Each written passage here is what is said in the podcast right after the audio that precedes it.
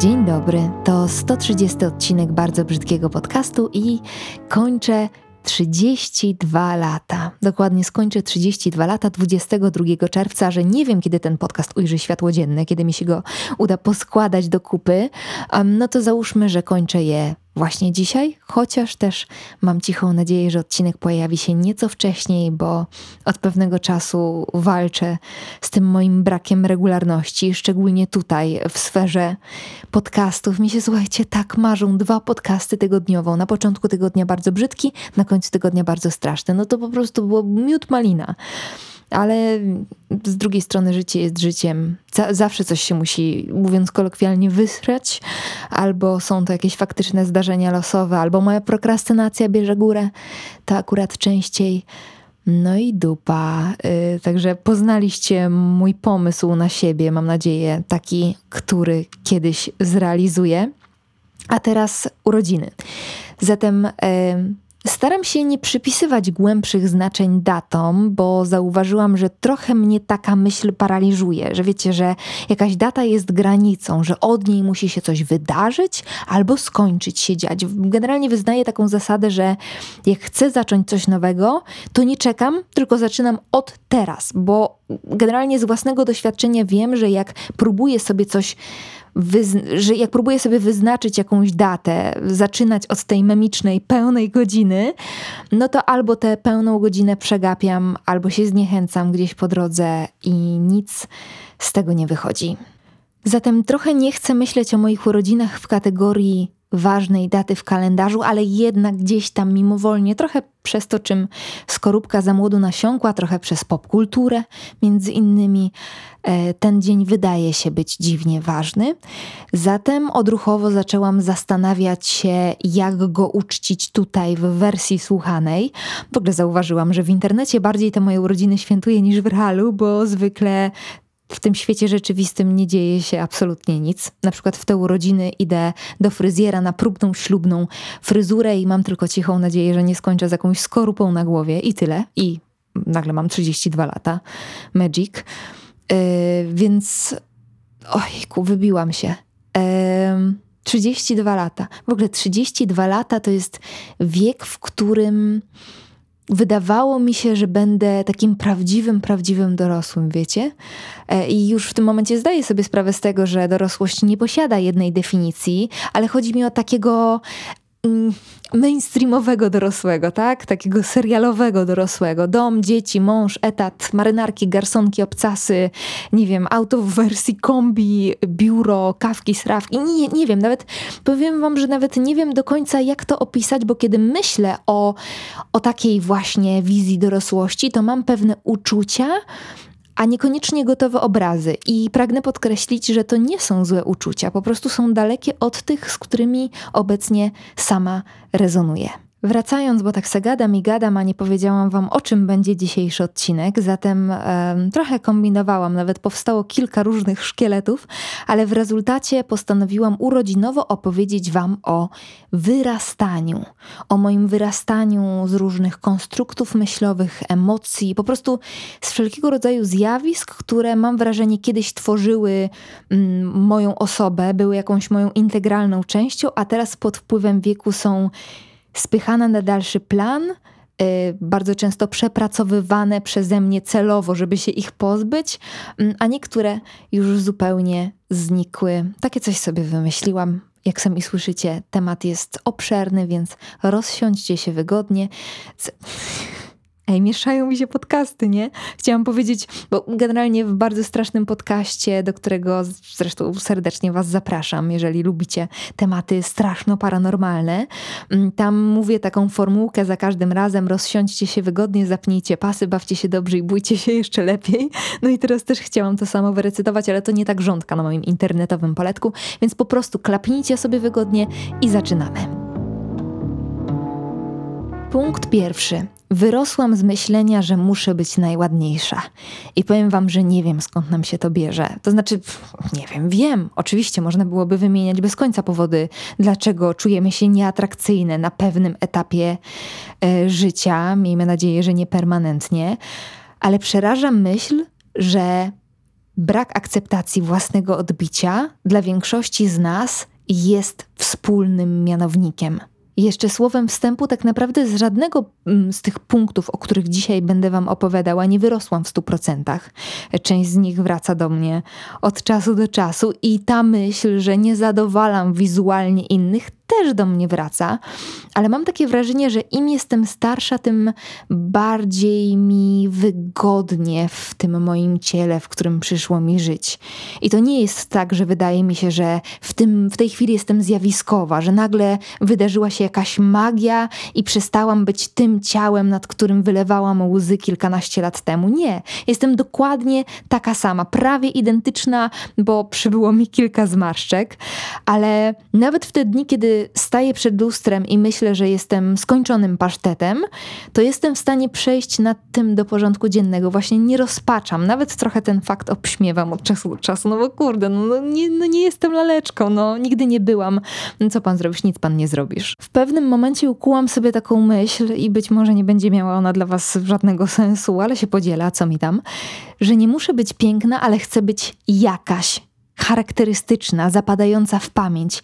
I jakoś tak mnie ta idea ucieszyła, że hej, temu mogę sprostać, że trzymam się jej. Po prostu odnalazłam się w roli kosmity. Także słuchajcie, jeżeli teraz rozpaczacie przed lustrem, to po pierwsze byłam tam, a po drugie istnieje naprawdę duże prawdopodobieństwo, że po prostu z tego wyrośniecie.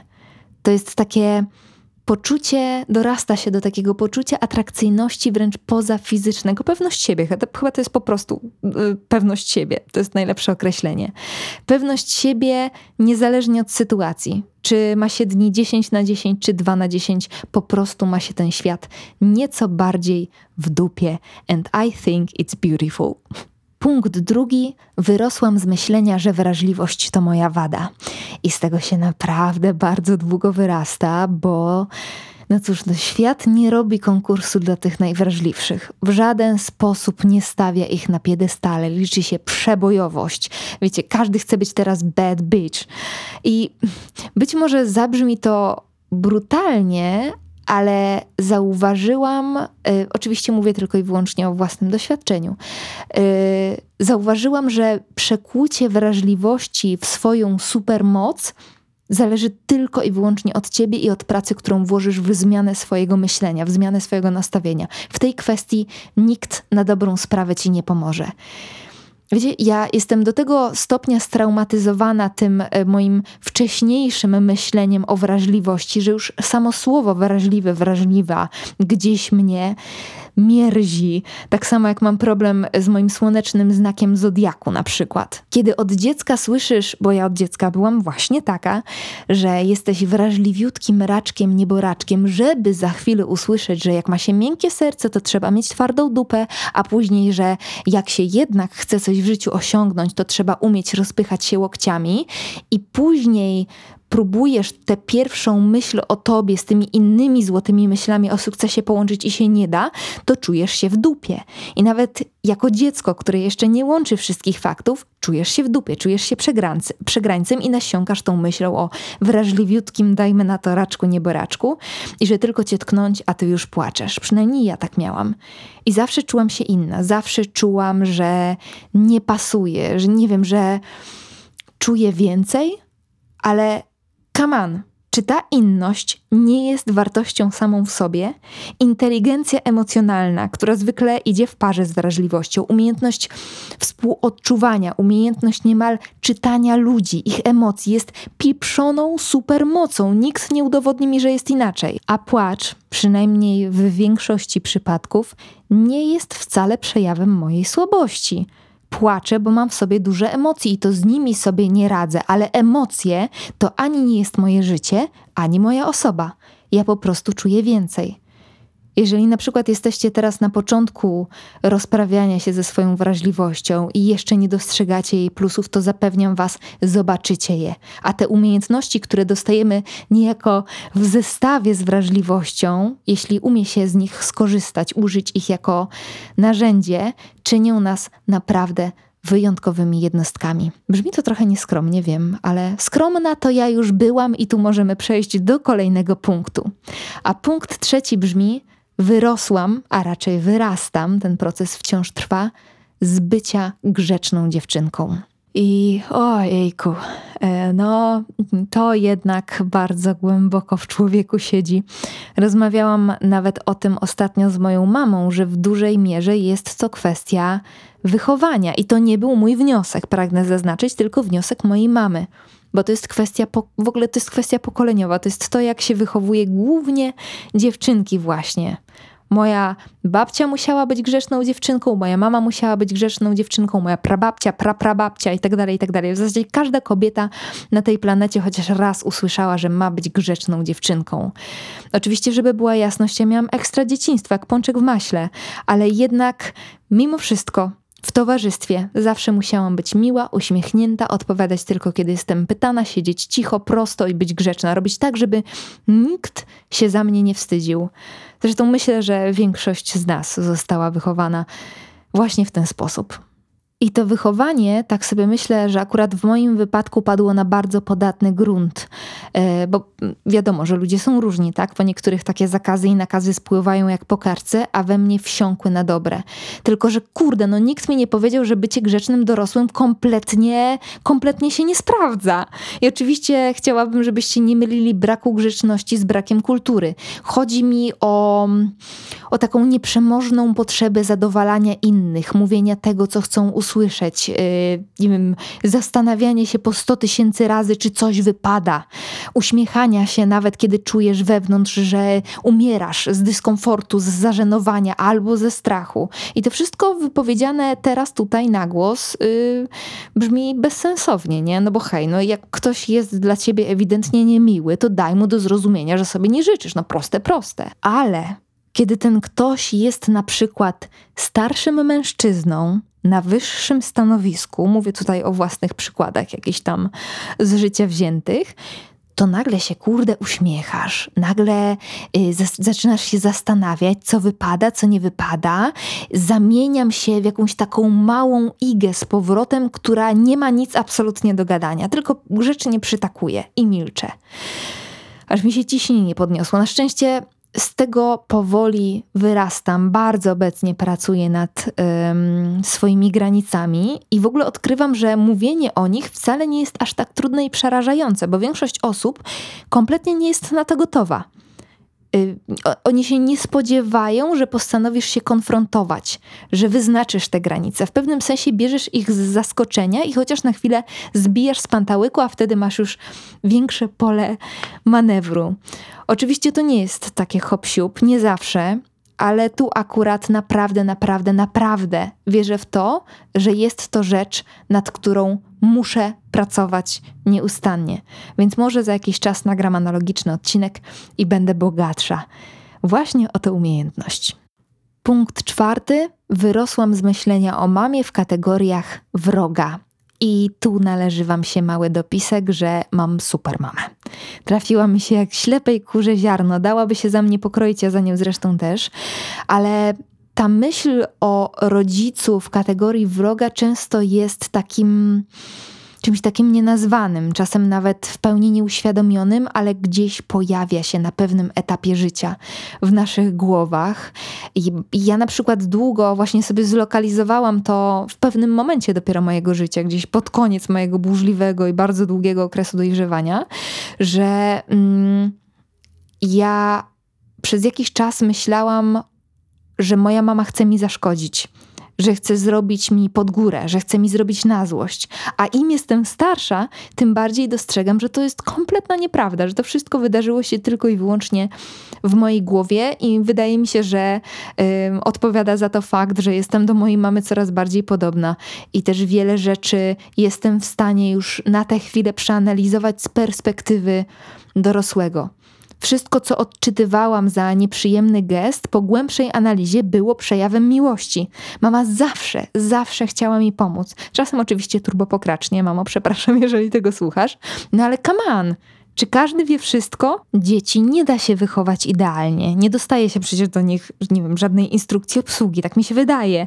W moich oczach, oczach, która, no cóż, z macierzyństwem nie ma wiele wspólnego, misja wychowania takiego kosmity, któremu trzeba wytłumaczyć cały świat, jest niezwykle karkołomna, dlatego jakiś margines błędu musi być na nią przewidziany, a ja bardzo długo pod wpływem hormonów w tej mojej przedłużonej fazie buntu w ogóle nie dopuszczałam takiej możliwości. Zakładałam, że mama musi realizować dokładnie mój scenariusz. Wóz albo przewóz, albo to, albo chce mnie zniszczyć wiedźma jedna. A to wcale tak nie działa. Mama to moja przyjaciółka. I oczywiście bardzo często się ze sobą nie zgadzamy w wielu kwestiach, bo się różnimy, mamy do tego pełne prawo, ale mamy też siebie nawzajem i świadomość, że skoczymy za sobą w ogień, że stoimy za sobą murem, choćby nie wiem co. I to jest naprawdę fantastyczna myśl, do której warto było dorosnąć. Punkt piąty wyrosłam z myślenia o sobie jako o kimś wiecznie młodym, wiecie, niezniszczalnym.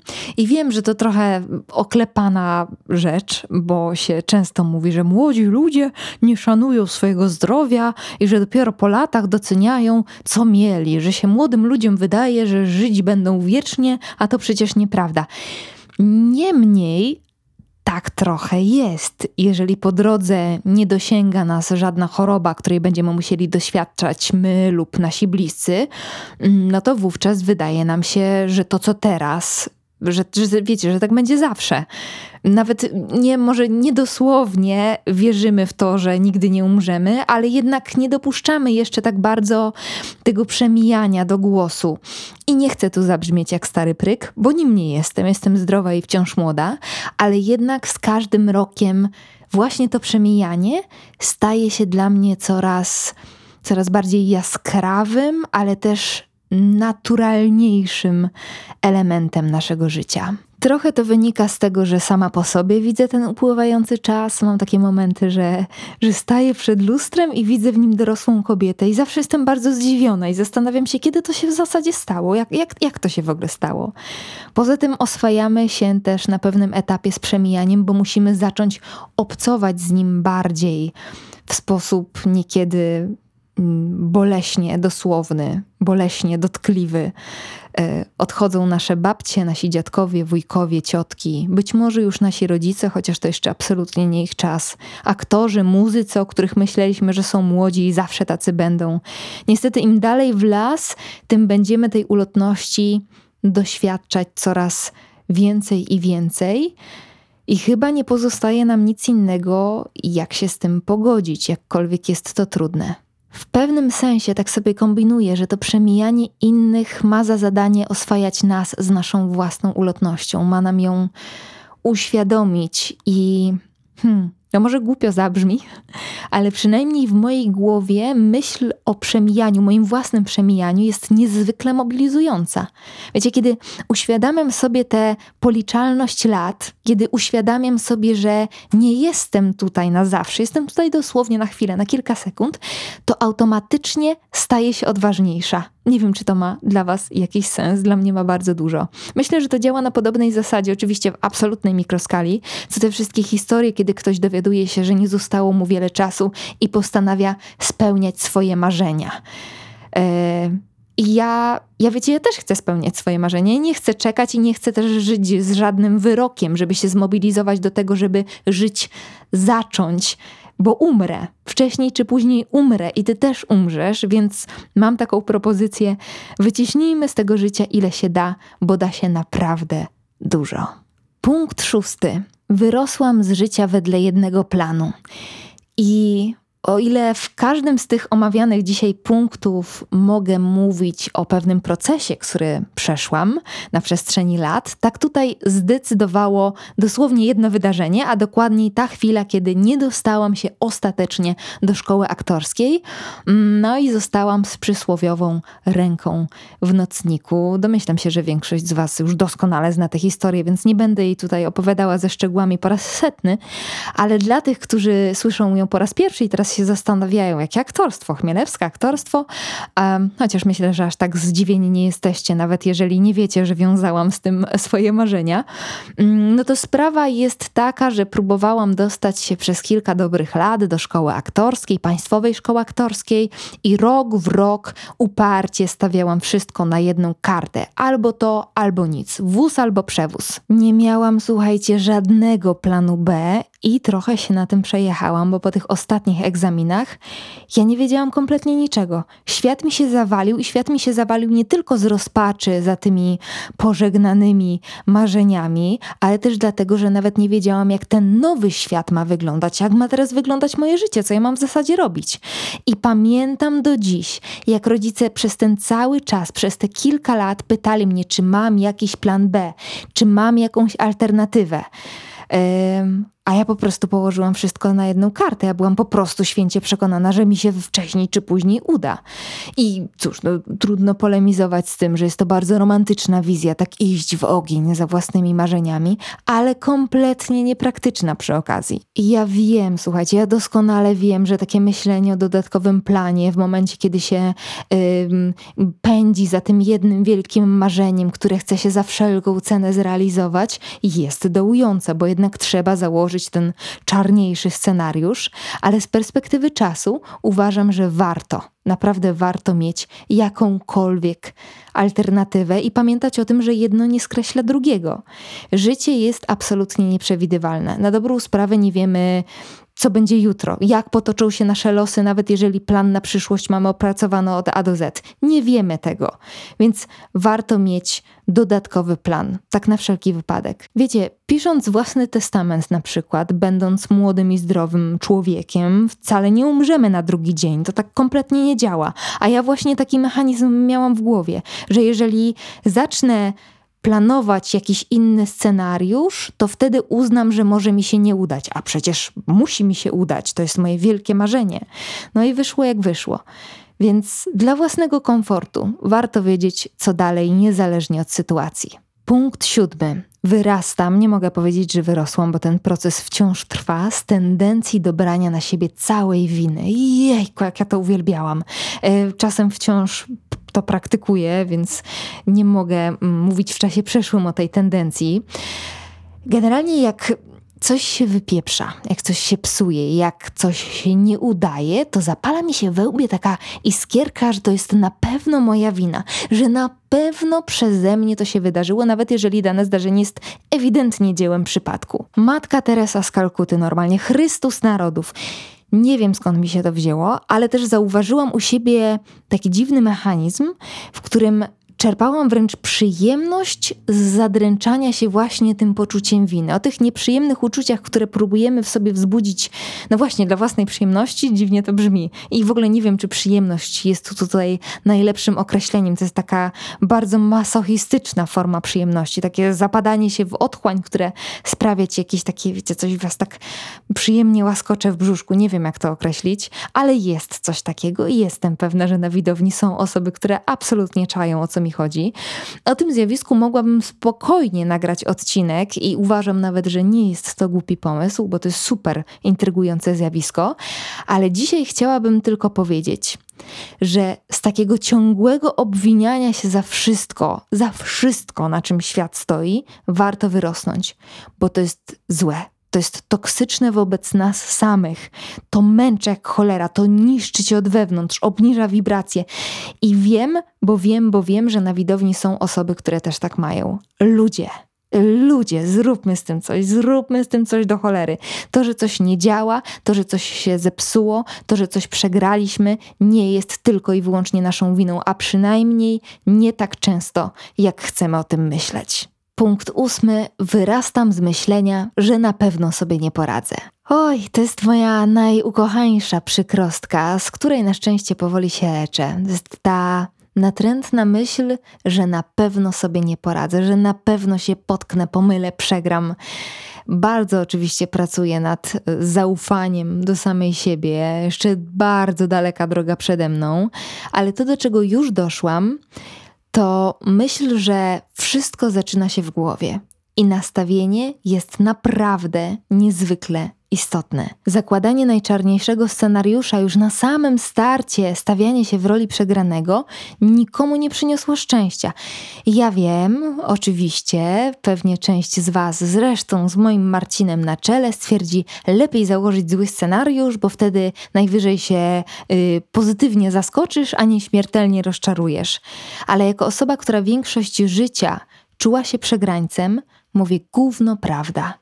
Niskie poczucie wartości i powątpiewanie we własne umiejętności to jest tak naprawdę zatruwanie siebie już w samym procesie. Co mi po tej wygranej, skoro w samym wyścigu czułam się źle, stresowałam się, nie spałam po nocach, płakałam w poduszkę, no w dupie mam takie zwycięstwo, przepraszam bardzo. Ja po prostu chciałabym, żebyśmy pamiętali, chciałabym, żebym ja to pamiętała. Będę sobie to powtarzać w kółko i w kółko, że przegrana nie zawsze jest tylko i wyłącznie naszą zasługą. Wpływ na nią ma naprawdę wiele czynników i czasem. Czasem wydarza się też tak, że nie ma w niej żadnej naszej winy. Po prostu się nie udało i tyle. I powiem Wam, że z tym po prostu i, i tyle o wiele łatwiej się wstaje, otrzepuje kolana i pędzi dalej. A czyż nie na tym właśnie polega życie? No na tym, na tym. I już ostatni punkt dzisiaj. Wyrastam z poczucia, że czegokolwiek mi brakuje. Zamkniemy tutaj sobie to wszystko takim duchowym tiruriru, bo akurat do tej myśli dotarłam sobie przez moje, a raczej docieram, to jest proces, przez moje praktyki medytacyjne. I to są te momenty, kiedy uświadamiasz sobie, że jesteś całością, że że tak naprawdę nie potrzebujesz niczego i masz wszystko i jesteś wszystkim, a jednocześnie nic. Ja w ogóle bardzo, bardzo trudno to wytłumaczyć. Ja się nie podejmuję absolutnie um, wchodzenia w te medytacyjne mandry, bo jak zresztą słyszycie, kompletnie nie umiem tego robić, ale dorosłam do tego, że, hmm, że czuję się bogata? że czuję się bogata przez sam fakt, że jestem. I wiem, że bardzo dziwnie to brzmi, ale to jest niezwykle wyzwalające uczucie. I pragnę też zaznaczyć, że ta myśl wcale nie wyklucza potrzeby bogacenia się i życia w obfitości. Nie zamierzam przeprowadzić się teraz do szałasu, ale uczy właśnie tego sławetnego cieszenia się chwilą obecną, bo wszystko jest tylko i wyłącznie teraz. Dokładnie w tym momencie, kiedy słyszysz te słowa. I jak sobie to człowiek uświadomi, wtedy coś klika we łbie i zupełnie zmienia optykę. A to jest to naprawdę miłe. Zatem obfitości wszelakiej życzę Wam z okazji moich urodzin i idę świętować. Jeszcze nie wiem jak, ale coś wymyślę, jak zwykle zresztą. Do usłyszenia niebawem. Pa!